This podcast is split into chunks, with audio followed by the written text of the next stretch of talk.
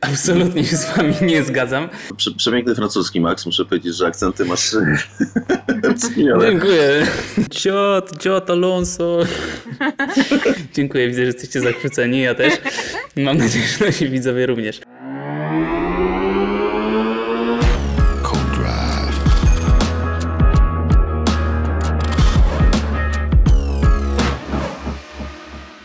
Witamy Was w podcaście Co-Drive przed Grand Prix Francji. My, czyli Aldona Marciniak, która zamiast bursztynów zbierała na plaży w Gdańsku fanów chcących zrobić sobie z nią zdjęcie lub podpis pod książką. Dzień dobry Aldona, która dzwoni do nas z Warszawy.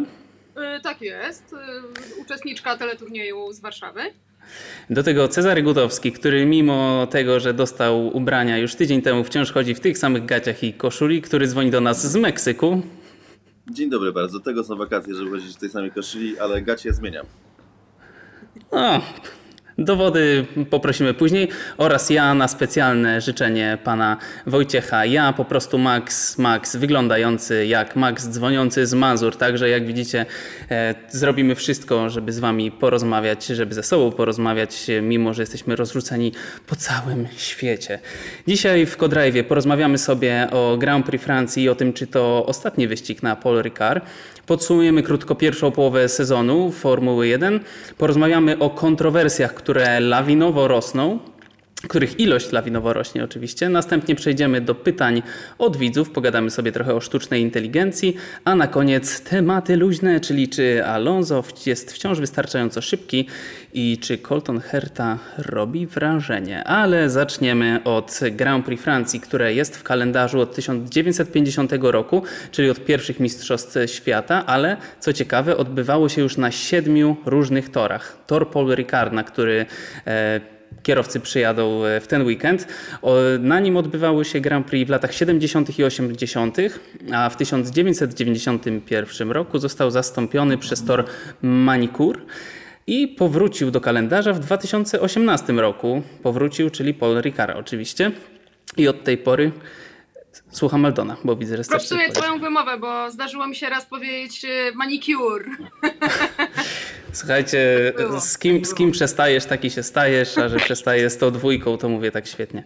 E, wszystkie wyścigi od 2018 roku były w zasadzie bardzo emocjonujące. Jest to bardzo szybki tor. 60% trasy przejeżdża się z gazem w podłodze i dużą rolę odgrywa też temperatura. E, od niej zależy, jak szybko zużywają się opony i jakie strategie przyjmą zespoły, a w ten weekend szykują się jakieś koszmarne temperatury. 37 stopni, 38 stopni. E, mówią, że tor będzie się nagrzewał do 50-60 stopni. Jestem bardzo ciekawy, jak to będzie wyglądało. W zasadzie to takie warunki azjatyckie, można powiedzieć. Długość toru to 5842 metry. Mamy 53 okrążenia, co daje nam dystans 309 km z małym haczykiem. Najszybszy czas to 1.28.319. To jest Lewis Hamilton w 2019 roku, a dla porównania mamy dla Was czas Patryka Kujali lub Kujali, hmm, może ktoś nam powie, jak to się dobrze wymawia. To jest 2.06.509 i to jest czas, który on osiągnął w Lamborghini Huracan podczas Lamborghini Blancpain Super Trofeo. Możliwe, że też się tu wygłupiłem. Albo Black Pain, Super Trofeo. W każdym razie mamy prawie 40 sekund różnicy, a Huracan to też takie nie autko w kaszę dmuchał. I jeszcze z rzeczy ważnych powiemy Wam o terminarzu. Mamy tak, piątek o 14 pierwszy trening, o 17 drugi trening, w sobotę o 13 trzeci trening, o 16 kwalifikacje, no i w niedzielę o 15 wyścig, a dla tych z Was, którzy nas słuchają i mają szczęście lub może jak się zaraz okaże nieszczęście, jechać na Grand Prix Francji, mm, oficjalnie, e, to znaczy ja nieoficjalnie informuję o oficjalnym stanowisku organizatorów e, Grand Prix, mianowicie na tor, na sam tor nie dojedziecie swoim prywatnym samochodem. Organizator e, oferuje różne środki komunikacji zastępczej, tam jest jakiś autobus, jakaś kolej, ale myślę, że może być ciekawie i myślę, że mogą wrócić koszmary Aldony z Grand Prix Wielkiej Brytanii, ale już dosyć o mnie. powiedzcie, powiedzcie, co wy sądzicie o tym torze, ponieważ oboje na nim byliście. Aldona, powiedz proszę. E, tor jest bardzo piękny i kropka. Bardzo ładnie wygląda w zdjęciach. E, i kropka. Mm, Cała reszta to jest koszmar, chyba że jest e, pandemia i nie ma kibiców, co jest oczywiście dla nich z kolei bardzo, bardzo przykre, bo w takich warunkach, gdy byliśmy tam zresztą razem w zeszłym roku na European Le Mans Series, to było doskonale, wszędzie dookoła wzgórza, małe takie uliczki, e, kręte, e, bardzo piękne krajobrazy, środek niczego, możesz odpocząć od zgiełku miasta. To wszystko, co jest zaletą w takich warunkach, jest e, najgorszą możliwą przeszkodą w momencie, w którym trafiają tam kibice, trafiają tam media, Hmm. trafiają tam zespoły i nagle się okazuje, że jest to po prostu e, miejsce absolutnie niezdobyte. E, No tak, to jest takie moje główne wspomnienie z toru Paul Ricard. Cezary? Myślę, że to jest, bardzo trudny, dlatego że no, to są fajne górskie drogi i serpentyny, kiedy się jedzie swobodnym jambolajem na wycieczkę, tam się dojeżdża na tor wyścigowy, szczególnie na wyścig Formuły 1, tam się robi po prostu zdecydowanie zbyt ciasno, zbyt wąsko, po prostu nie ma dróg dojazdowych, nie ma bazy hotelowej, co jest też drugą e, sporą wadą tego toru, e, czy raczej jest ona dość odległa jest e, bardzo droga. Do tego jeszcze lokalne zarządzanie, jeśli chodzi o organizację ruchu, z tego co e, czytałem, bo akurat nie byłem na tym wyścigu szczęśliwie, wiedziałem co się będzie działo, to e, w pierwszym wyścigu nawet zabronili dojazdu pewnymi drogami na rowerach, co było mniej więcej równie idiotyczne jak decyzja o zwężeniu Alei Jerozolimskiej w Warszawie.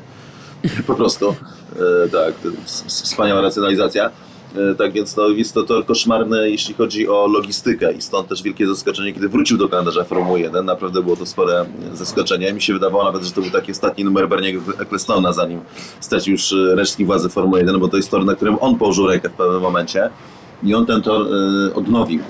E, I przygotował go głównie tak pod kątem testowania, stąd też jest to tor sterylny, są tam te takie czerwone i niebieskie pasy poza jezdnią, to są miejsca, gdzie jest wyasfaltowane pobocze, ono jest bardzo dobrze wyasfaltowane, bardzo przyczepne, więc będą problemy z limitami toru, to jest absolutnie nieuniknione, bo ten tor jest do tego przygotowany. No i jeśli chodzi o konfigurację trasy, no to ona jest taka flowing, trochę przypomina Silverstone, mm, e, tylko powiedzmy, że trochę wolniejsze. To, to są tak naprawdę długie, proste i potem mamy takie łuk numer 10 na przykład taki bardzo szybki, potem wolniejszą sekcję znowu krętą, ale taką y, bez jakiegoś gwałtownego hamowania i skręcania, tylko po prostu zakręt zakręt, jeżeli są płynne przejścia, jeden, drugi, trzeci, więc jest to szybki tor z niskimi dość tarkami, co akurat pomoże, jeśli chodzi o kwestię dobijania, ale długie, proste z- drugiej strony będą zwiększały dobijanie aerodynamiczne. Moim zdaniem zobaczymy, jak się tutaj ekipy prezentują. Jest to tor moim zdaniem na tym etapie sezonu wycelowany tak naprawdę uniwersalnie we wszystkie trzy prowadzące ekipy. Mi się wydaje, że ten tor bardzo dobrze pokaże taki realny układ sił w oderwaniu od y, jakiejś szczególnej charakterystyki trasy, bo jest naprawdę taki bardzo in the middle, bardzo w środku, y, dość y, aerodynamiczny i generalnie no, dla mnie z punktu widzenia kibica nie oznacza się niczym takim charakterystycznym. Y, Natomiast kierowcy lubią co do zasady na nim jeździć, bo znowu, tak jak, jak, jak masz takie flowing circuit z lewej, z prawej i tak dalej, y, to wtedy jest to taki fajny, fajny z tego wychodzi taki swing. E, szczególnie, że jest tam dużo aerody- aerodynamiki, tak? Tam się jeździ szybko, mało się hamuje, jeździ się bardzo szybko. Mm, więc z grubsza, o, to, to jest charakterystyka Paul Ricard. Dla tych, którzy nie pamiętają albo nie oglądali, w 2021 roku, rok temu, mieliśmy bardzo emocjonujący wyścig. e, W zasadzie do ostatniego okrążenia, bo wtedy Max Verstappen wyprzedził, wyprzedził Louisa Hamiltona na przedostatnim okrążeniu. Jeszcze w międzyczasie e, Perez wyprzedził Bottasa, który jechał na trzecim miejscu. Mm, Więc to był na pewno bardzo, bardzo emocjonujący wyścig. Wracamy do Was w trochę innych kadrach, e, co po niektórzy, konkretnie Cezary. I nie, nie wrócił do nas do Polski, bo tak się za nami stęsknił, tylko e, te tropikalne temperatury, których normalnie byśmy mu zazdrościli, gdyby nie to, że u nas jest jeszcze gorzej, e, sprawiły, że przegrzał mu się telefon, więc uciekł w jakieś miejsce z klimatyzacją i wiszącymi mieczami. Nie, co tam jest na górze? Takie Nie, to belki. są rzeczy, to jest sklepienie tak zwane. Ale słuchajcie, to jest, to, jest, to jest dokładnie w temacie tego, o czym będzie ten weekend. Mówiłeś o tej prognozie pogody.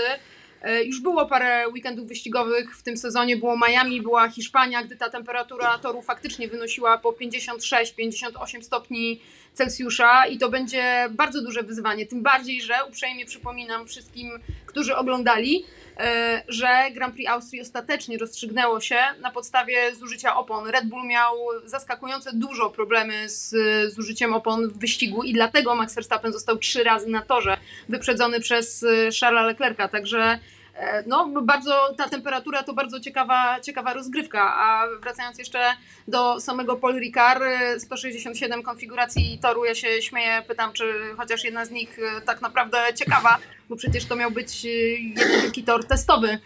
Cezary nam cały czas tutaj pokazuje bardzo piękne elementy konstrukcyjne. Muszę powiedzieć, że inżynierowie Formuły 1 mogliby pozazdrościć tego na przykład. Jeśli chodzi o konstrukcję podłogi czy, czy coś, bardzo ładnie. To jest klasyczny Ale... meksykański neoklasycyzm. Ale no właśnie, tak jak, tak jak mówiłeś Max na początku, Paul Ricard ma kontrakt do tego sezonu. Um, raczej mówi się o tym, że, że zniknie. Szanse, że zostanie są bardzo małe. E, albo ewentualnie system rotacyjny i tutaj pierwszym kandydatem jest Belgia. Dla mnie już to jest pewna obraza, że Belgia miałaby nie mieć stałego miejsca w kalendarzu. Ewentualnie Grand Prix Niemiec, które też spotkał smutny los e, bycia wyciętym z kalendarza Formuły 1, natomiast Francja politycznie jest bardzo, bardzo ważna, więc e, raczej tutaj należy się spodziewać dużych wysiłków, żeby została choćby właśnie w takim systemie rotacyjnym. No, ci powiem, że akurat nie jestem co do tego do końca przekonany. Znaczy mi się wydaje, że Francja jest jednym z tych wyścigów do skreślenia i to jest kilka przyczyn. Pierwsza to jest finansowa oczywiście. Francuzi chyba nie chcą płacić mm. tyle pieniędzy. Druga rzecz to jest taka, że mamy e, w tym kraju e, jeszcze jeden wyścig. To co prawda Monte Carlo we Francji niby nie leży, ale jednak we Francji leży, tak? Jakby, jak mam to nie spojrzeć po prostu. Jest to na lazorowym wybrzeżu, e, aczkolwiek tutaj znowu się pojawia kolejna kwestia, bo przecież los Grand Prix Monaco też jest zagrożony. To kolejny wyścig, którego braku w kalendarzu większość ludzi sobie nie wyobraża, przede wszystkim kierowcy. Bo co do szefów, to jest zupełnie inna już retoryka. Oni patrzą na to, ile pieniędzy są w stanie na tym zarobić, a wiadomo, że Monaco też za dużo za wyścig nie płaci, a nawet chyba to jest najmniejsza kwota. Tak więc tutaj się rozbija kwestie finansowe, zresztą to samo dotyczy Grand Prix Belgii na Spa. Tak więc y, po pierwsze, być może jest to ostatni wyścig y, o Grand Prix Francji na torze Paul Ricard. Jest to dość prawdopodobne, bo jest to tor po prostu logistycznie bardzo trudny do uzasadnienia, po prostu bardzo ciężki. Y, a druga rzecz, że być może jest to ostatni Grand Prix Francji na czas jakiś, dlatego że no ciężko sobie wyobrazić tor, który mógłby zastąpić na tym etapie Paul Ricard. Znaczy Manikur jest bardzo fajnym torem ciekawym, tylko że jest dość wąski i taki, no już trochę, szczególnie teraz jak są szerokie boidy, już trochę out of date, jeśli chodzi na Formułę 1. No Le Mans jeździć nie będą, bo przecież tam jeździ Le Mans, więc dlaczego mają dawać e, tutaj Le Mans jeszcze jakieś, jakąś promocję? Może jakiś, nie wiem, nowy tor uliczny, chociaż ten pomysł w Nicei, żeby zrobić tor uliczny też brzmi jak kretyński, więc w skrócie, e, no szczerze, nie brzmi to za dobrze. Tak więc zastanawiam się, gdzie wróci Grand Prix Francji w momencie, kiedy zniknie Spoiler szczególnie, że jest to wyścig, który w przeciwieństwie do Wielkiej Brytanii która ma Silverstone, czy Włoch, które mają Monza, nie ma nigdy, nie ma takiej stałej bazy, która będzie kojarzona zawsze z Grand Prix Francji. Jest wyścigi Formuły 1 są kojarzone z Grand Prix Francji, bo nazwa Grand Prix bierze się z wyścigu zorganizowanego we Francji, tak, na początku XX e, stulecia. Natomiast ponadto nie ma miejsca, które by było, które by się kojarzyło z Formułą 1 e, konkretnie we Francji. Tak, także zobaczymy, myślę już niedługo, czy powiemy o Revoix Paul Ricard, czy jednak nie. A Cezary, wspominałeś o tym, że to będzie taki tor, na którym zobaczymy, jaki jest faktyczny układ sił między Red Bullem, Mercedesem i Ferrari, a skoro o Mercedesie mowa, to nasz, nasza dyrektorka do spraw statystyk przygotowała kilka bardzo ciekawych e, informacji na temat Mercedesa i ich chyba jeszcze lidera, Louisa Hamiltona. Słuchajcie, no to jest y, wielki wyścig dla Louisa Hamiltona, mianowicie jest to jego 300 Grand Prix w Formule 1. Zaczął oczywiście w Australii w 2007 roku, zaczął od podium, potem przyszła Kanada, pierwsze zwycięstwo i od tamtej pory w każdym sezonie wygrywał przynajmniej jeden wyścig i robił to najpóźniej w dziesiątym wyścigu. A więc z tej perspektywy już teraz tym momencie ten sezon jest jego najgorszym w karierze, jeśli chodzi o tę statystykę. Od 12 e, wyścigów nie wygrał Lewis Hamilton, a jeszcze dodajmy, że jeżeli chodzi o tę statystykę zwycięstw w każdym sezonie, no to tutaj walczy o to, żeby pobić rekord Michaela Schumachera, który miał 15 sezonów z rzędu z przynajmniej jednym zwycięstwem. No i teraz pytanie brzmi, czy jest możliwe, żeby to zwycięstwo przyszło na przykład tutaj już we Francji. To Wolf mówił po Austrii, że zmniejszyli stratę do Red Bulla, do Ferrari do 0,2-0,3 sekundy. Na pewno tutaj nie będzie im dokuczało dobijanie, które było z Morą, a więc y, może, może, Cezary? Nie, mi się wydaje, że dobijanie to może im do, dokuczać, ale aerodynamiczne i to będzie jakiś duży test dla Mercedesa. Tak. Natomiast faktycznie y, w tej połowie sezonu dochodzimy do takiego punktu, kiedy trzy najlepsze ekipy Formuły 1 teraz zaczynają się zrównywać. Ta strata Mercedesa jest bardzo mała. E, A to jeszcze oczywiście zaostrza apetyt szczególnie Luisa, który po prostu spuleci dodatkowo jak na skrzydłach i jeździ świetne wyścigi dzięki temu. Początek sezonu miał słabe, teraz kiedy ma czym jeździć, kiedy ma tę motywację, jeździ z kolei jak z nut, wspaniale. Więc mi się wydaje, że to faktycznie będzie taki to, to jest tylko kalendarzowy półmet- półmetek sezonu, dlatego że tak naprawdę będzie y, jakby druga część sezonu zacznie się po wakacjach w sierpniu od Grand Prix Belgii, więc mamy jeszcze dwa wyścigi. Natomiast generalnie no, jest to tor na tyle neutralny, na tyle aerodynamiczny, na tyle zbliżony nawet, mówię o Silverstone, nawet bardziej do Barcelony, że pokaże realny układ sił między, e, plus te długie proste, między Red Bullem, Ferrari i właśnie Mercedesem. Najciekawszym pytaniem będzie w tym wszystkim, jak bardzo Mercedes zbliżył się do tej czołówki. Moim zdaniem Mercedes będzie, e, ma, ma szansę, za- zadatki na to, żeby być e, najlepszą ekipą drugiej połowy sezonu. E, Tylko tej nie kalendarzowej, tylko tej realnej, że po prostu to się wszystko tak ładnie układa od początku, że, że może się okazać, że w tych wyścigach od Grand Prix Belgii to Mercedes zacznie e, wygrywać wyścigi.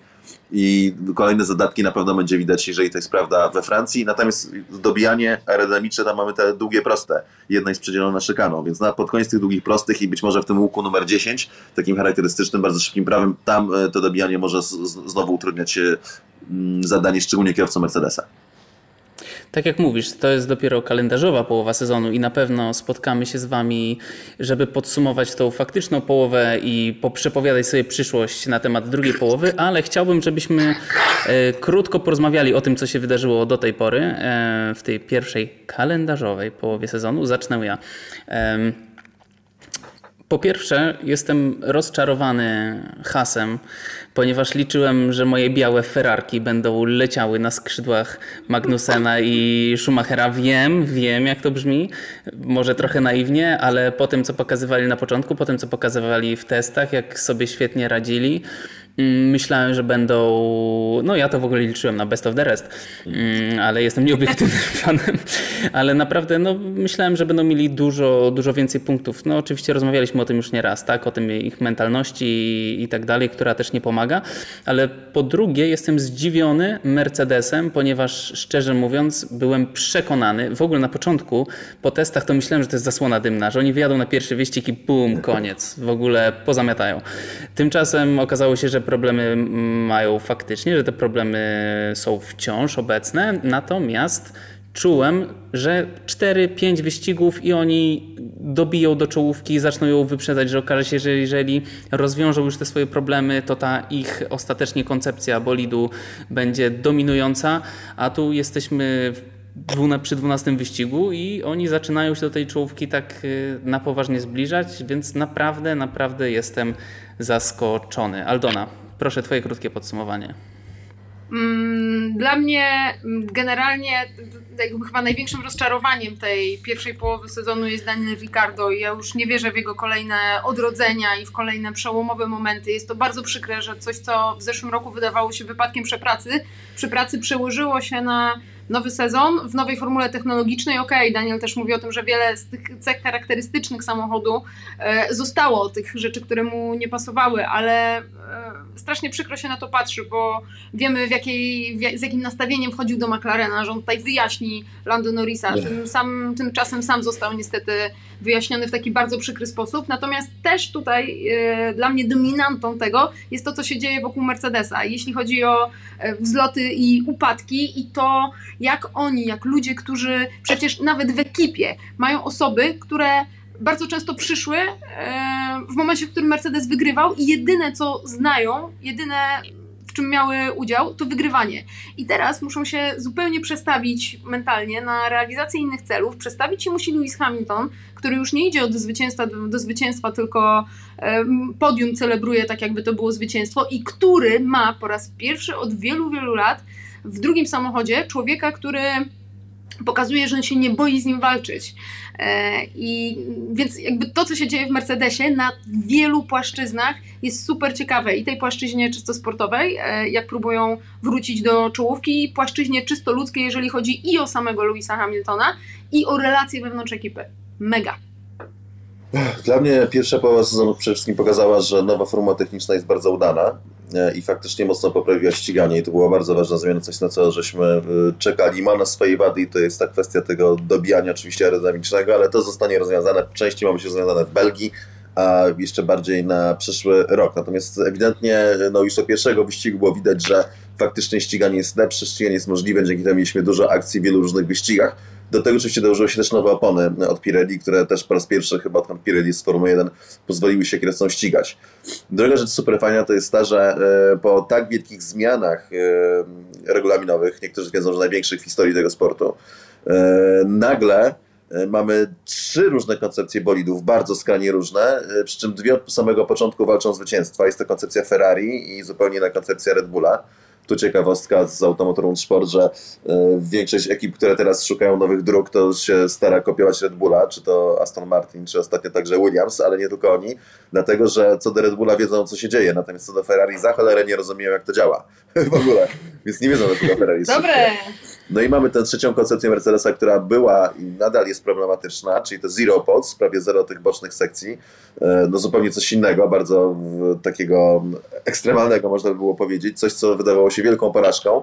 Mercedes oczywiście nie poddawał tego głównie dlatego, że no, no musieli iść jak najdłużej tym tropem i szukać rozwiązania, co było bardzo ciężkie, dlatego że e, inaczej straciliby mnóstwo, mnóstwo czasu i to powoli też zaczyna działać, więc mamy taki e, fajny początek sezonu, gdzie bardzo różne koncepcje e, techniczne pozwalają wygrywać.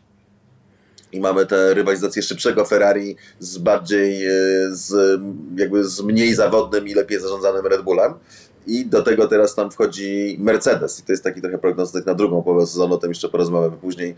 E, No, super ciekawa sprawa, że po tak dużych zmianach mamy przede wszystkim, no, bo też się spodziewano, że zazwyczaj jak są duże zmiany regulaminowe, to ktoś wymyśli ten złoty środek i potem przez kolejne 3 do 5 lat inni się starają go ścigać i do tej formy dojść. Teraz os- ostatecznie okazuje się, że to wyzerowanie, te zmiany Formuły 1 sprawiły, że mamy po tak dużej przetasowaniu super ciekawe ściganie i do tego jeszcze wielką niewiadomą tego, co się wydarzy w drugiej połowie sezonu. To jeszcze Eldona, to co ty powiedziałaś, to mi zwrócił uwagę na jedną rzecz, że może się okazać, że e, ta rywalizacja wewnętrzna w Mercedesie między Russellem i Hamiltonem e, może się okazać, że ktoś, kto mógłby być z jednej strony wielkim przekleństwem Hamiltona, czyli młody, gniewny Russell, może być tak naprawdę jego największym atutem, jego obecność w tym zespole, bo tak jak mówisz, e, Hamilton musi się przystosować do nowych warunków i gdyby miał Bottasa w drugim bolidzie, to możliwe, że nie byłoby mu tak łatwo wykrzesać w so- z siebie motywację, jakieś chęć do przekształcenia sw- swojego, swojego, nie chcę użyć słowa mindsetu, ale swojego podejścia, podejścia. Mm, A przez to, że ma w bolidzie obok gościa, który ścigał się w dużo gorszych samochodach, umówmy się, i jemu to nie przeszkadza o tyle, że on i tak będzie cisnął, myślę, że to może mu wyciągnąć się do góry. Ale teraz No, chciałbym, żebyśmy teraz chciałbym, żebyśmy porozmawiali o kontrowersjach, które, które mnożą się jak króliczki w Formule 1. Tak tytułem wstępu, oczywiście Formuła 1 dosyć, no nie chcę mówić, że gwałtownie, ale rozszerza się jej publika, coraz więcej osób przychodzi na tory, nowych osób, y, które wcześniej nie jeździły, które zainteresowały się tym y, tematem niedawno. I mieliśmy kilka, no głównie po Grand Prix Austrii, mm, niesławnym już i niesławnym zachowaniu kibiców. I wiadomo, że teraz z każdą taką kontrowersją, każda kolejna będzie wyciągana jeszcze bardziej. I będzie jeszcze bardziej na świeczniku, bo to już jest po prostu jak kula śniegowa. No w zasadzie to się zaczęło jeszcze od Nelsona Piquet, tak? To, to było takie pierwsze głośne w tym sezonie mm, Jurego Wipsa. Ale Mam dla Was kilka historii, chciałbym, żebyśmy o nich trochę porozmawiali. Po pierwsze, mm, zgłosiła się, czy została znaleziona przez y, media wypowiedź kobiety, która wracając z Grand Prix Austrii autobusem była no, napastowana przez y, pijanego fana, który nie dość, że y, napastował ją fizycznie, łapał za szyję, przyciągał do siebie, gadał jej jakieś, jakieś świństwa i głupstwa do ucha. Na szczęście skończyło się tylko na tym. Mm, A do tego głośna sprawa pracownika Astona Martina, pracownika kontraktowego, Aidana Lowa, który pracował tam przez y, chyba półtora miesiąca. Ma on pochodzenie brytyjskie i RPA. Gdy przyszedł do pracy, usłyszał od swoich współpracowników, jeśli masz problem z tym, co mówimy, cóż, my tak rozmawiamy i już. No i później się zaczęło. Był y, obrażany i dyskryminowany na tle rasowym, nazywany wszystkimi możliwymi e, obraźliwymi epitetami. Do tego opowiedział komuś w pracy o tym, że miał chłopaka w liceum, co spotkało się z jeszcze większym poniżaniem z ich strony na tle jego orientacji. Aston oczywiście potępił to zachowanie, powiedział, że tych dwóch mechaników zostało zwolnionych, natomiast stwierdził, że Aiden Lowe został zwolniony przez to, że po prostu nie był dobrym pracownikiem. Aiden broni się, że gdyby nie ta sytuacja w pracy, to mógłby dowozić lepiej, że tak powiem kolokwialnie, ale jest tu jeszcze jedna ważna rzecz, jeszcze jedno ważne zdanie na koniec. On powiedział, że nie chce być postrzegany jako ofiara i nie chce mieć przywilejów ze względu na swoje pochodzenie czy orientację. On chce po prostu równego traktowania. Co wy uważacie na ten temat? Cezary, powiedz. No cóż, jeśli chodzi o ten incydent w samochodzie, ja też to czytałem i byłem yy, mocno oburzony. Yy, szczerze mówiąc, zastanawiam się, dlaczego nie znalazł się nikt w tym samochodzie, kto by dał w mordę temu kolesiowi po prostu za takie traktowanie. W autobusie, ale tak, tak, tak. A to jest też przerażające, mówiąc szczerze, że tak łatwo jest pięknymi słowami grzmieć i pobrać świata, nie znalazł się nikt, kto by zareagował jak mężczyzna w takiej sytuacji po prostu. A tak, tak trzeba było zrobić, inaczej tego zachowania moim zdaniem nie można, nie można skwitować. Natomiast to trochę tak mnie zaskakuje skala tego, nie? w sensie, że być może jakoś tego wcześniej nie doceniałem, tak? że być może wydawało mi się, że to jest, że to jest mniejsze. Natomiast wydaje mi się, że w tej całej retoryce ostatecznie, znaczy Formuła 1 super dobrze robi, że celuje jakby, że to piętno Sami o tym mówiliśmy za każdym razem, że pewnych rzeczy nie można akceptować. Tak samo jak z tym biednym Jurim Vipsem, co ostatnio Helmut Marko powiedział, że jednak Red Bull go nie wspomaga w ogóle. Bo była taka plata na mieście, że go hmm. wyrzucili z programu, ale go wspomagają, teraz go nie wspomaga. Więc generalnie te reakcje są potrzebne, natomiast wydaje mi się, że cały czas one są wycelowane cały czas tak wąskotorowo i one się obracają e, tylko wokół konkretnych grup, tak? Czyli w, e, kobiety, osoby o innym kolorze skóry, osoby o innej orientacji seksualnej, a cały czas pomija się w tym wszystkim, że to ci dwaj mechanicy, jestem przekonany, oni tak traktowali nie tylko tego chłopaka. E, jestem przekonany, że wiele innych osób, które się tam zjawiły i były w ich kolorze skóry, też były w ten sposób traktowane, dlatego że taki mieli sposób e, postępowania, modus operandi, to jest też takie no, bullying, tak, tak zwany. Czy, czy, czy jak jest takie profesjonalne określenie, jak się w pracy kogoś... E, mobbing. Mobbing, tak. Jest po prostu mobbing, tak. I, i generalnie wydaje mi się, że ta, ta misja Formuły 1 jest super fajnie, że jest to zdecydowane, że jest realizowane i faktycznie na pewne rzeczy nie ma miejsca w Formule 1 na takie podejście, tak, na, na, na homofobię, na rasizm i to jest absolutnie super, że to jest tak jasno postawione, natomiast wydaje mi się, że cały czas pomijamy ten element po prostu tego, że e, jak się tak samo traktuje w ten sam sposób osoby swojej własnej płci, a ja byłem, ja, ja, byłem traktowany w ten sposób, na przykład jak byłem kiedyś na meczu Grand Prix e, żużlowego w Coventry wiele, wiele lat temu i spotkałem się z brytyjskimi kibicami, którzy byli po prostu bydłem i po prostu też tak mnie atakowali. Yy, fizycznie nie, natomiast no, no generalnie no, dość podobnie jak, jak, jak ci ludzie Martina, Wielka Brytania, proszę bardzo. Yy, więc tak, byłem jakby, poczułem co to jest rasizm w momencie, kiedy wlatywałem kiedyś do Stanów Zjednoczonych i spotkałem się z czarnoskórym strażnikiem, który po prostu traktował mnie poniżająco, w sposób absolutnie nieludzki. E, dlatego, nie wiem, chyba dlatego, że przeciętny z Polski. I tak samo jak wracaliśmy kiedyś z rajdu Meksyku w 2015 roku, tak, to, to, to już wracaliśmy z Londoną, to spotkaliśmy się z bardzo takim nieładnym traktowaniem ze strony kobiety, która była strażniczką e, graniczną. Tak więc no, ostatecznie no, wydaje mi się, że błędem, który jest popełniany ogólnospołecznie, także przez Forum 1 jest ograniczanie tego typu y, akcji y, i piętnowanie tego typu zachowań do jakby różnic płciowo, rasowo, seksualnych, a nie jakby pokazując, że po prostu jest to traktowanie, którym jest, na które narażony jest każdy, w każdym towarzystwie i że z tym trzeba walczyć, po prostu tego nie powinno się akceptować. Aldona, coś chcesz dodać jeszcze? Mm, nie. To przejdziemy jeszcze do jednej sytuacji. Mianowicie belgijski komentator stacji RTBF Lionel Fosso powiedział o Lansie Strollu.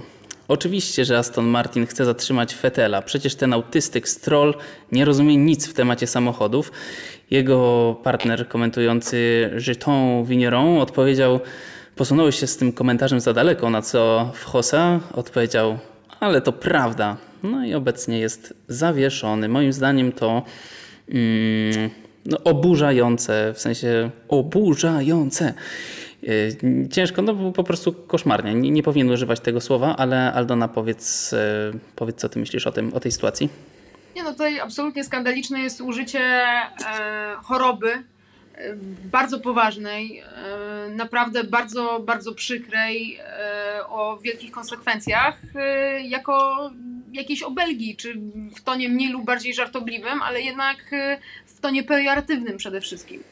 E, I to jest coś, co absolutnie nigdy nie powinno mieć miejsca, bo uderza w ludzi, którzy na co dzień się z tym zmagają, w ich bliskich i nie ma tutaj absolutnie nic do, nic z czego można by było uczynić e, komuś zarzut albo z czego się śmiać. E, Pokazuje to tylko, jak jest traktowany Stroll, jak jest odbierany Stroll w padoku.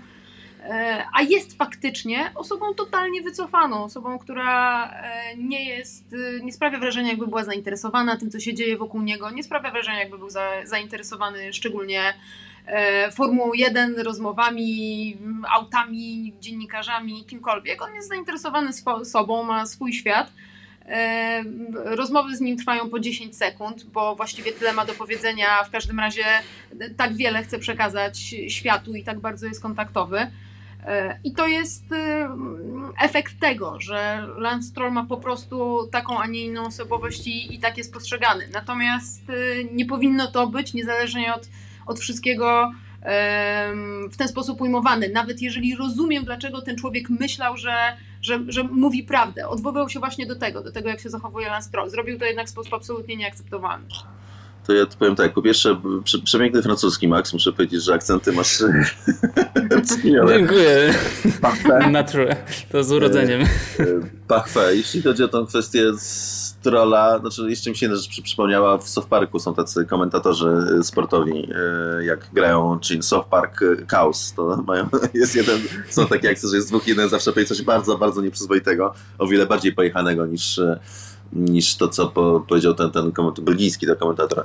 Znaczy, to jest oczywiście objaw e, jednej rzeczy, tego jak, e, no, jak jest postrzegany stroll, który jak przechodzą kamerę Drive to Survive, to się okazuje, że ma tutaj dużo do powiedzenia. Może nie są to jakieś najciekawsze rzeczy świata, ale jednak rozgadany jest i tak pramienieje wtedy. Natomiast kiedy przychodzą do niego zwyczajni dziennikarze, e, tak jak ze zwyczajnych gazet czy telewizji, to ma ich po prostu dupie, mówiąc w skrócie. E, I no tak bardzo jak faktycznie użycie słowa jest bardzo niefortunne, bo dotyka poważnej choroby po prostu i, i to było nie fair, to, to pokazuje po prostu jak postrzegany jest stroll młody i także tata. Oni są po prostu nielubiani w padoku, dlatego że jest to taki stereotypowy przykład zblazowanego dziecka bardzo bogatego człowieka, który po prostu gardzi, przynajmniej tak to jest odbierane, gardzi innymi, bo są jakby biedniejsi, tak, bo nie są z tej stopy finansowej. Y, I na przykład przykład Lando Norrisa, który jest z bardzo bogatej rodziny, pokazuje, że można tak wychować dziecko, że będzie szanowało inne osoby, mimo tego, że będzie z bardzo bogatego domu. Czy nawet Nicolas Latifi, który jest o wiele bogatszy z domu niż jeszcze Stroll, a mimo tego jakoś jest kontaktowy i jest normalny i nie traktuje ludzi z buta. Y, No i generalnie traktowanie stroli też wychodzi w ten sposób. Oni po prostu nie są lubiani w padoku z kilku różnych przyczyn. Po pierwsze traktowanie innych ludzi, po drugie to podejście pana strola, że no, tak przyjdę, rzucę kupę, jak- jakby furę pieniędzy, pojawię się raz na miesiąc w fabryce i wydam wytyczne, więc będę się wchrzaniał w, jakby w pracy ludzi, którzy wiedzą, co robią, wytaczając swoje wytyczne i będę oczekiwał wyników, kiedy wszystko się wali. Więc ostatecznie no, e, słowo niefortunne, a jednak e, jakby w pewnym sensie osoby, które znają Strolla i z nim rozmawiały, od razu wiedziały o co chodzi. To słuchajcie, jeszcze mam e, taką konkluzję, czy taką klamrę może bardziej do tego wszystkiego. To jest kontynuacja historii Nelsona Piquet, który został wezwany przed sąd federalny w Brazylii. Mm, Został oskarżony przez cztery grupy walczące o prawa człowieka niezależnie. Oskarżają go o szkody moralne wyrządzone LGB, osobom LG, LGBTQ oraz e, e, osobom czarnoskórym. No i uwaga, grozi mu półtora miliona funtów kary. Także zobaczymy, jak to się dalej rozwinie. E, Będziemy Was informować. No, no. E, Ostatnia rzecz, e, żeby pokazać tę skalę. Tata Lando Norrisa ma majątek w wysokości 205 tysięcy, e, tfu, 205 milionów, milionów funtów. 205 milionów funtów. Jest e, 600 na liście najbogatszych ludzi w Wielkiej Brytanii. A syna naprawdę da się lubić i wygląda na to, że ma poukładane w głowie, więc e, to nie jest tak, że to jest coś em, niemożliwego. Po prostu Mhm. strolowie obrywają za to, jakimi są ludźmi i tyle. No. Jeśli chodzi o sprawę Piketa, to dość interesujące, no trochę się wszanił. Ciekaw jestem, co z tego wyjdzie, natomiast też ostatecznie dojdziemy do, do takiej granicy i to też pokazuje kwestia Vipsa, że e, jakby ilość wściekłych ataków na to, że Vips popełni ten błąd, e, za który przeprosił i chciał się poprawić, jakby e, to, jakich konsekwencji niektórzy żądają, to też pokazuje generalnie, no, no kim są ludzie, którzy żądają niemalże kary śmierci, czy wymazania, czy skasowania kogoś z życia publicznego za to, że użył jakiegoś słowa. I to nie jest słowo wzywające do mordu czy nienawiści, tak? To nie jest, to jest po prostu słowo obraźliwe, z tym się nie można zgodzić, natomiast są jakieś granice. I też się zastanawiam no, z tym biednym Piketem, który ze starszego pokolenia, użył słowa bardzo niefortunnego i kilku różnych te, te, też sformułowań, no ale ostatecznie e, znowu są to tylko słowa, więc się zastanawiam, jaką mamy tutaj teraz granicę. Więc to, to jest już powiedzmy światopoglądowa dyskusja, natomiast ciekawie się to odbija w ogóle na Formułę 1 w tym momencie.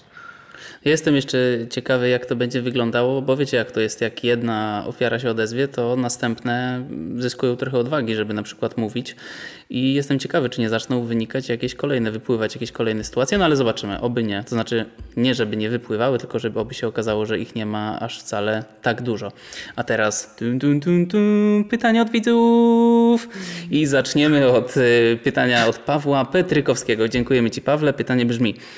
W szachach już kilka ładnych lat temu sztuczna inteligencja wklepała człowiekowi.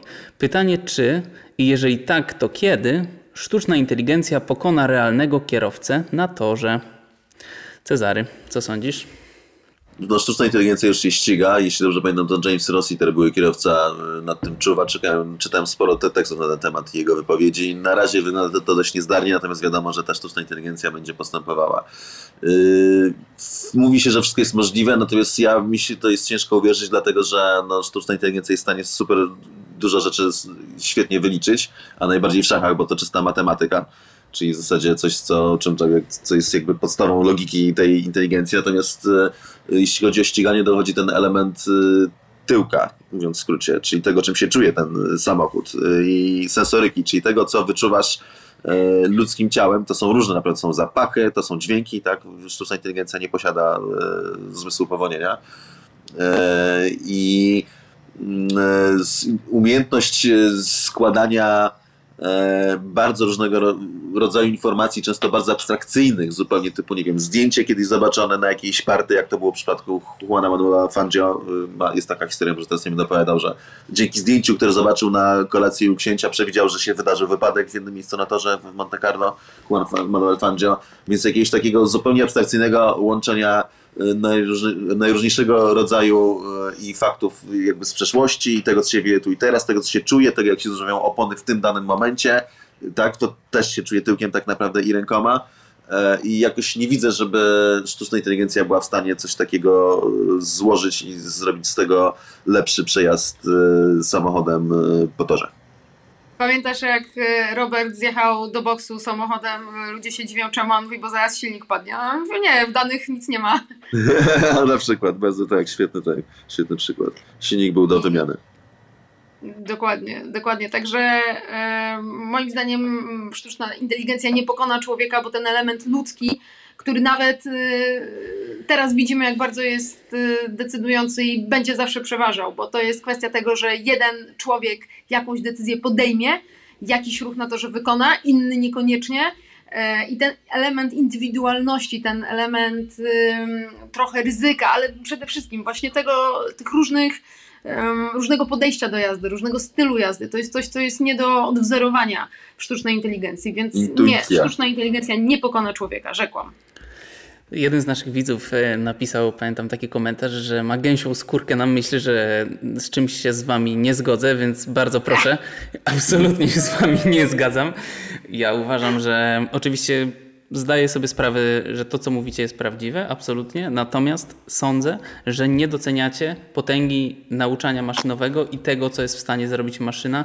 Oczywiście, to jest kwestia czujników, to jest kwestia kamer, no bo skądś musi pobierać te informacje, tak? To jest ten, moim zdaniem, to wąskie gardło.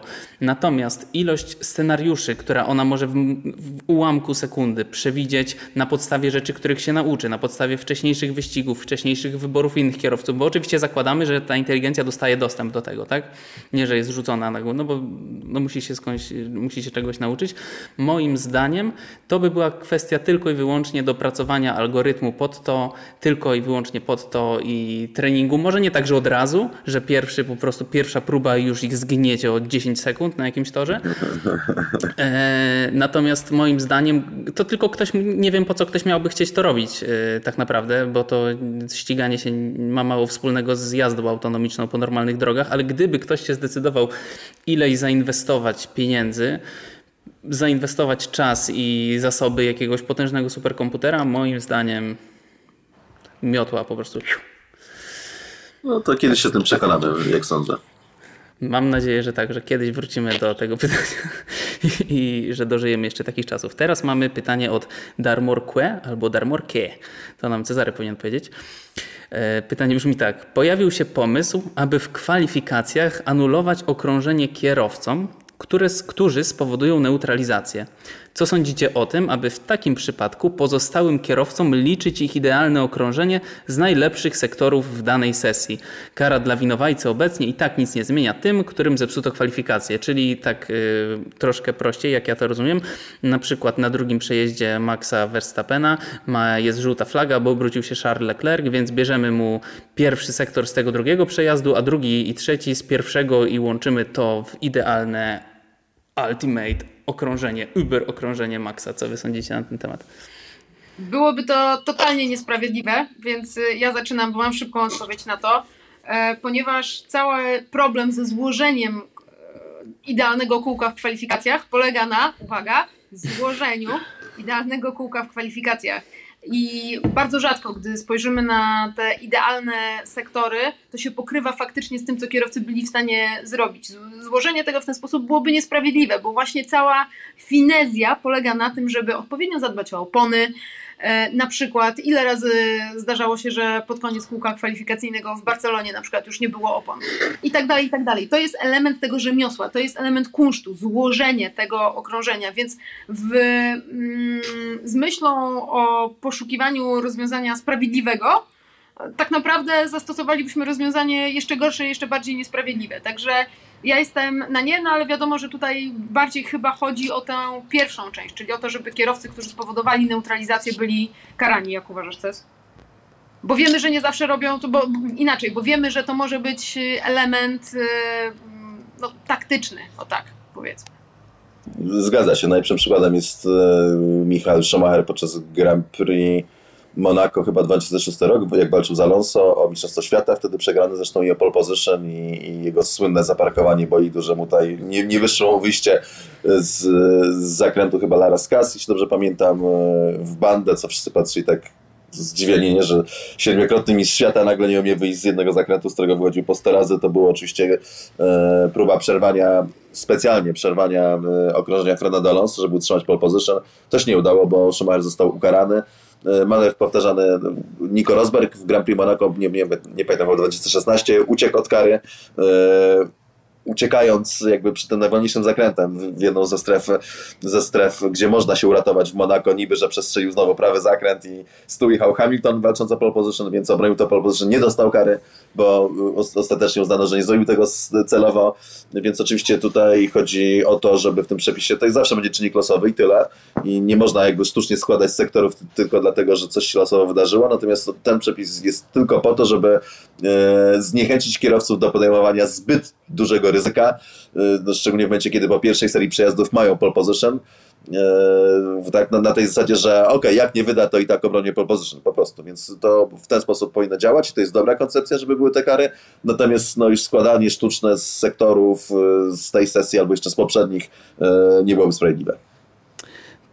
W pełni się z Wami zgadzam. To by się zamieniło po prostu w skoki narciarskie, w których kiedyś Mati Hautemeki skakał 128 metrów, Małysz 130 i wiadomo było, że wygrywał Małysz. A teraz tak, tu Ci odejmą za wiatr, tu Ci dodadzą za belkę, tu plus minus, nie wiesz, on skoczył najdalej, jest piąty, nic nie rozumiesz i właśnie sobie zdałem sprawę, że nie pamiętam jak się rozwiązuje zadania z funkcjami, ale pamiętam nazwisko Mati Hautemeki, także go Max. A teraz tun, tun, tun, tun, tun, tun, tun, tun, tematy luźne, tematy luźne, tematy luźne. I Fernando. Dziękuję, widzę, że jesteście zachwyceni, ja też. Mam nadzieję, że nasi widzowie również. E, Zacznijmy od Fernando Alonso, a, Alonso, który wypowiedział się na temat e, zarzutu, że zajmuje miejsce w Formule 1 młodym, zdolnym kierowcom. Fernando powiedział tak: To inni kierowcy, a nie ja, blokują miejsca dla młodych, zdolnych w Formule 1. W motosporcie ważny jest stoper. Musisz odpowiedzieć sobie na pytanie, czy jesteś wystarczająco szybki, czy dowozisz wynik. Ja wciąż jestem szybki i wciąż dowożę. A parę dni później, zapytany o swoją przyszłość, powiedział, że. No, jeszcze nic nie jest gwarantowane, że jeszcze muszą z Alpin usiąść w przerwie wakacyjnej, porozmawiać, także no to już nie był aż tak pewny, chociaż mówił, że oczywiście się dogadają. Co sądzisz, Cezary, na temat tych jego słów? Zajmuje czy nie zajmuje? Ja chciałam No, Aldona, Aldona, dobra. jedną rzeczą, jako młody, zdolny statystyk, e, przekazać Wam drugą statystykę dotyczącą Grand Prix Francji i Fernando Alonso właśnie. Otóż jeśli Fernando Alonso przejedzie w Grand Prix Francji trzy okrążenia, Fernando Alonso przejedzie ich łącznie w Formule 1 18 622, najwięcej spośród wszystkich kierowców w historii. A? Ła Jezus. Tak, i to przy jego liczbie Grand Prix, yy, jak się złoży średnio, pokazuje, że jest jednym z najlepszych kierowców w historii tego sportu. Nawet jeszcze weźmie pod uwagę, ile sezonów przejeździł w jakimś y, fatalnym McLarenie na tamte czasy i kilka innych jego wyborów, no to ta jego skuteczność, to ta jego dojeżdżalność do mety po prostu pokazuje, że, że jest świetnym kierowcą. I tak samo pokazuje to ten sezon. Moim zdaniem w tym roku Fernando trochę już yy, no, widać, że już nie jest yy, jakby nie jest tym kierowcą, który pokonał Michaela Schumachera i po prostu wprowadzał nową jakość do Formuły 1. Trochę z Kimi Raikkonenem, który też był super zdolny na początku, szczególnie potem mu jakoś tam odeszło e, w Formuły 1. E, teraz już jest jednym z wielu, już ma problemy z Okonem od czasu do, cza- do czasu e, i on to też widzi, natomiast cały czas absolutnie się broni. E, I moim zdaniem jest to taki też przejaw trochę, bo mówimy dużo o dyskryminacji i tak dalej, dyskryminacji ludzi starszych, a on ma 41 lat, to jeszcze nie jest starszym panem. E, Natomiast dlaczego ma, jest to powiedzieć, dlaczego blokuje miejsce młodym? Na, na, na jakiej zasadzie? Przez stoper go broni. Można było powiedzieć, że Mick Schumacher do niedawna blokował miejsce młodym, dlatego że jeździł absolutnie fatalnie przez półtora roku i dopiero w ostatnich wyścigach zaczął coś pokazywać, więc jest to też jakiś taki przejaw znowu dyskryminacji, tylko takiej powiedzmy właśnie tej, co uchodzi, nie? Bo to, y, bo to biały w- heteryk prawdopodobnie, więc y, i do tego jeszcze staruk, to niech, niech spada z tej Formuły 1. Oburzające absolutnie podejście broni się jego miejsce w Formule 1. Jeżeli ktoś blokował na przykład miejsce w Formule 1 młodym, to był to Kimi Raikkonen, który przy podobnym wieku po prostu widać było, że tak naprawdę, że mu się już tak, tak, tak bardzo nie chce, miał swoje przebłyski od czasu do czasu, ale generalnie rzecz biorąc to było widać i w jego wypowiedziach i zakulisowo się o tym mówiło, że tak już jeździ, bo nie wie co robić dalej ze swoim życiem. No to on blokował miejsce dla młodych, natomiast Fernando Alonso absolutnie nie, a już szczególnie nie z racji wieku. Aldona, coś chcesz jeszcze dodać? Pełna zgoda, y, tylko jeszcze mm, mogę sobie wyobrażać, że to troszeczkę przytyk w kierunku paydriverów e, ze strony Fernando Alonso, bo to jest też taki no, łatwy cel, jeżeli chodzi o to blokowanie miejsca młodym. Natomiast y, Alonso no, nie ma zgody na to, żeby był łatwym celem tylko ze względu na to, ile ma lat, bo naprawdę y, jeździ cały czas bardzo dobrze, stanął w zeszłym roku na podium, cały czas jest wielką osobowością Formuły 1. Chociaż y, słuchajcie, y, zeźlił ostatnio strasznie Sebastiana Fettela. Pamiętacie historię z Austrii, gdy Fettel dostał karę 25 tysięcy euro za to, że wkurzony, sfrustrowany i w y, takich okolicznościach, które nie przystają, opuścił driver's briefing. Otóż y, Automotor Sport zdradził, że to Fernando Alonso go tak zeźlił, ponieważ usiedli, a on zaczął znowu rozmawiać o, o swojej karze z Kanady i dlaczego nie powinien jej dostać. I Fettel stracił cierpliwość. Także naprawdę musiało być to coś, żeby e, Sebastiana Fettela wyprowadzić z równowagi do tego stopnia. Natomiast widzicie, no, Fernando Alonso cały czas zależy. E, I przede wszystkim, tak jak mówi Cezary, cały czas e, broni się na torze. No Wettelowi chodziło też o to, że to po prostu oni tam trochę dreptali w kółko, że Alonso mówi jedno, sędziowie mówi drugie i po prostu nie robili postępów w tej dyskusji. Potem to się przyniosło oczywiście na kolejną dyskusję o limity toru. I tutaj też no, jednoznaczna jest w zasadzie e, retoryka kierowców, że no sorry, ale uparty koleś, Witiś, który po prostu nie dał sobie w żaden sposób przemówić do siebie, e, prawda? Natomiast Fernando, no to on tak ma taką misję dydaktyczną, on walczy, bo chodzi o to, że on ma rację, że on dostał karę za blokowanie Bottasa w Kanadzie, a potem mamy Grand Prix Wielkiej Brytanii, gdzie wyjeżdżają poza tor, wyjeżdżają, jeżdżą z egzakami, z tam był jeszcze problem Leclerca, który blokował Hamiltona, też jeżdżąc z egzakami i nie dostaje kary. No ale teraz jeszcze jest taki, zno- znowu to, bo to Schmidt e, jakby przedstawił te, te, te, te, newsy z tego spotkania kierowców. Żartuję, że już wie, jak się zacznie kolejny e, briefing, dlatego że w ostatnim wyścigu Carlos Sainz wyjechał poza tor przy pierwszym zakręcie e, i wyprzedził chyba Russella, tak? To zastanawiam się, ścigu, nie pamiętam, e, czy to był George, czy to był Luis. W każdym razie jednego z kierowców Mercedesa i nie dostał za to żadnej kary, a przecież Fernando Alonso w zeszłym roku podnosił rywetę o to, że właśnie w Austrii w dwóch wyścigach kilku kierowców wyprzedziło go poza torem i nie, nie dostało kary. I Alonso znowu będzie miał rację, dlatego że potem mamy te wielkie afery, tam 46 chyba przewinień odnotowanych z przekroczeniami limitów toru, kilka kar jeszcze rozdanych kierowcom, natomiast y, na samym początku wyścigu bardzo wyraźnie i z premedytacją Sainz wyjeżdża sobie poza tor do alejki dodatkowej zjazdowej, wraca na tor i kontynuuje pojedynek, który powinien był przegrać, dlatego że, że wyjechał poza tor, tak więc tutaj no Fernando trochę może taki ten, priczuje i nawet dziadkuje bym powiedział, ale w słusznej sprawie. Nie mam nic do dodania w tej sprawie. Przejdźmy do ostatniego naszego tematu na dziś, Nie masz czyli nic do dodania, bo ty twierdzisz, że blokuje miejsce młodym. Pewnie Nie, bo, bo Max jest młody co po ten dziad jeździ jeszcze? Dziot, Dziot Alonso. I tutaj proszę kolejna kara. Tak, sąd federalny e, na Mazurach. Tak. W ogóle przypomniało mi się, że chciałem zrobić inny jingle na tematy luźne, ale już trudno. No, w następnym odcinku to zrobię. Ostatni temat na dziś, czyli amerykańska, kalifornijska strzała Colton Herta i jego testy w McLarenie. Testował w Portimao bolid y, McLarena z 2021 roku. I mamy tu po pierwsze wypowiedź e, Marka Temple, czyli głównego inżyniera samochodowego w McLarenie. Colton doskonale rozumiał, co działo się z samochodem. Przez cały okres testów podnosił swoją świadomość tego, jak szybko może wchodzić w zakręty i jak hamować, by możliwie najlepiej i najszybciej z nich wychodzić. No i sam Colton Herta o swoich testach. Największą różnicą w porównaniu z IndyCar było przyspieszenie i hamowanie. Moc, z jaką bolid przyspiesza, zwłaszcza na wyższych biegach w porównaniu z Indy, jest wielka. Nawet na niskich obrotach bolid ciągnie jak zły. Nigdy nie jeździłem czymś takim, ale czułem, że samo mi to przychodzi. No jak uważacie, czy ten amerykański cud zawita już niedługo do Formuły 1?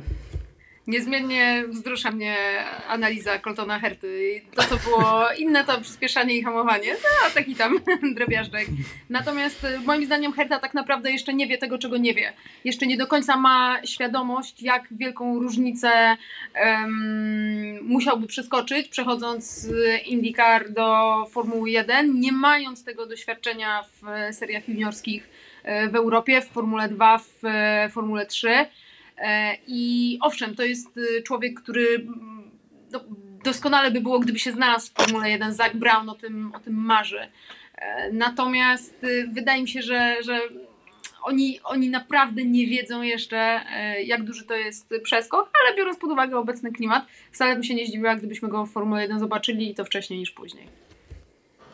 Znaczy Colton Herta jeździł w Europie i nawet opowiadał o nim, tylko ja nie pamiętam Ale to w brytyjskiej Formule 3, wiesz, tylko jakby w brytyjskiej Formule tak. 3. No nie ma tego... Czy GB3 bo- bo obecnie e, w regionale. Nie jeździł w GP3, czyli w tej Formule 3 takiej teraz obecnie tej na najwyższym poziomie, tej przy Formule 1. To masz na myśli po prostu, czyli w tych najważniejszych kategoriach juniorskich. E, Landon Ellis o nim dużo opowiadał, mówił, wypowiadał się, że to jest bardzo szybki kierowca, że w szybkich łukach, szczególnie na wejściach w tych łukach to mu imponował, ale też sugerował, że jest taki trochę nieokrzesany i dziki. I moim zdaniem bardzo pasuje do tego obrazu Amerykanina i do tego obrazu, jaki ja jakby wysuwam patrząc na niego, jak jeździ w Stanach troszeczkę, albo też jak udziela wywiadów. Że jest to człowiek taki, no powiedzmy z dużą prędkością, ale też taki trochę narwany Amerykanin, mówiąc w skrócie, który, tak jak mówi Aldana, nie ma pojęcia jeszcze, co go może w Formule 1 czekać. E, Najważniejsze rzeczy typu właśnie praca nad samochodem, co jest kluczowe, z inżynierami, z, z mechanikami, no to jest o wiele szerszy za, za, za, zakres Formuły 1 i to, że jednak poziom sportowy kierowców Formuły 1 jest wyższy niż w IndyCar. To w IndyCar jest super fajna stawka, ale jednak w Formule 1 trzeba o wiele więcej. Wyciągać z jeszcze większej liczby detali te ostatnie łamki czasu. Jest, to jest coś, czego on jeszcze nie pokazał i nie ma. Natomiast absolutnie priorytetem całej Formuły 1 jest to, żeby on się tam znalazł. Formuła 1 bardzo potrzebuje amerykańskiego kierowcy z dwóch powodów. Pierwszy powód to jest taki, że Formuła 1 zarządzają Amerykanie. Liberty Media to jest amerykańska korporacja, która co więcej amerykanizuje Formułę 1. Będą przecież trzy wyścigi w Stanach Zjednoczonych. To nie, nie, nie. E, a drugi e, element to jest taki, że Formuła 1 podbija Stany Zjednoczone teraz. Dzięki Drive to Survive między innymi e, innym działaniom marketingowym po prostu trafiła do fanów amerykańskich, coś czego przez dekadę nie udało się zrobić Berniemu Ecclestonowi. Po prostu. E, I to teraz się dzieje. I to jest absolutnie kluczowy rynek teraz dla Formuły 1, czyli Stany, no, raj, jeśli chodzi o marketing sportowy i pieniądze. Więc e, po prostu musi być amerykański kierowca, a teraz największa nadzieja na Amerykanina, który będzie mógł coś zrobić w Formule 1, e, a jak będzie mu gorzej szkło, to będzie się dało jakoś zrobić, żeby szło mu lepiej niż tak naprawdę jeździ czego obawiam się, co będzie miało miejsce po prostu, to, to może się dziać, to daje właśnie Colton Herta. I teraz pojawił się taki swoisty wyścig Formuły 1, jak to odczytuję, o to, kto tego Hertę do Formuły 1 wprowadzi. Na początku chciał to zrobić Michael Andretti ze swoim e, zespołem, który e, no, prawie kupił Saubera i wykupił od Alfa, znaczy no, Sauber to jest Alfa Romeo, ale Alfa Romeo to jest tylko nazwa, to jest franczyza. Czyli prawie kupił Saubera e, z tym zamysłem, żeby wstawić właśnie Hertę do Formuły 1 i to mu się nie udało.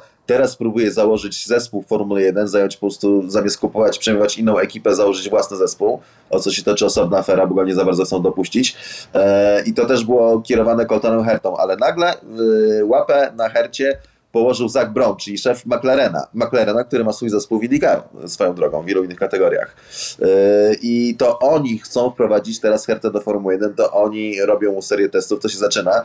My, my tutaj nie miejmy, nie miejmy żadnych wątpliwości. To nie są takie pojeżdżawki, że tutaj o, jest taki Amerykanin, niech sobie pojeździ tym bolidem Formuły 1. To jest szykowanie go, tak sprawdzanie i szykowanie go do debiutu Formuły 1, dlatego że Brown wie, bardziej niż ktokolwiek inny, jest Amerykaninem, że jeżeli to on położy łapę na tym kierowcy ze Stanów Zjednoczonych, który będzie dobry, no to jakby z tym przypłyną kolejne fale y, dolarów y, od sponsorów amerykańskich z rynku, który on świetnie zna i na którym się świetnie znajduje. Więc to jest tak naprawdę walka o duże pieniądze i o prestiż i o to, żeby ta Formuła 1 jeszcze bardziej uderzyła w Amerykę i żeby już w sercach Amerykanów pozostała. Dlatego jakby kwestia Coltona Herty w startu Formuły 1 jest absolutnie priorytetowa, jest kluczowa dla całego sportu, także dla innych ekip po prostu. I dlatego moim zdaniem im częściej słyszę wypowiedzi, że ostatnio Daniel Ricardo zapewnienia, że on będzie jeździł w McLarenie w przyszłym roku, tym bardziej odnoszę wrażenie, że ta jego pozycja w McLarenie jest zagrożona, szczególnie w momencie, kiedy Herta jest testowany i to, jest, to ma być cykl testów e, w Formule 1. No cóż, wydaje mi się, że Formuła 1 ma całą masę osobowości, ale taka osobowość Coltona Herty, tego narwanego, dzikiego Kalifornijczyka by nie zaszkodziła i mam nadzieję, że prędzej niż później zobaczymy go w jakichś barwach. Dziękuję Wam bardzo za dziś, pomimo tych rozjazdów. Słyszymy się w propsach i disach po Grand Prix Francji. E, ja chciałem jeszcze ze swojej strony bardzo podziękować pani Sylwii, bez której bym nie ogarnął w tym szczerym polu internetu. Dziękuję pani Sylwio, jeśli mnie pani słucha. I, I pytania, co? Maciu, pytania. Tak, oczywiście. Wybierać będziemy wybierać. Komentujcie, może się zgadzacie, może się nie zgadzacie z tym, co powiedzieliśmy, mm, ale piszcie też pytania, wybierzemy na pewno dwa lub trzy do następnego podcastu i przeczytamy je i sobie o nich podyskutujemy. Dziękujemy Wam my, czyli Cezary w pięknej koszuli, Aldona we wspaniałej biżuterii i ja jak zwykle gustownej czapeczce. Do usłyszenia, dziękujemy i pozdrawiamy. Thank you. Thank you. Thank you. Thank you.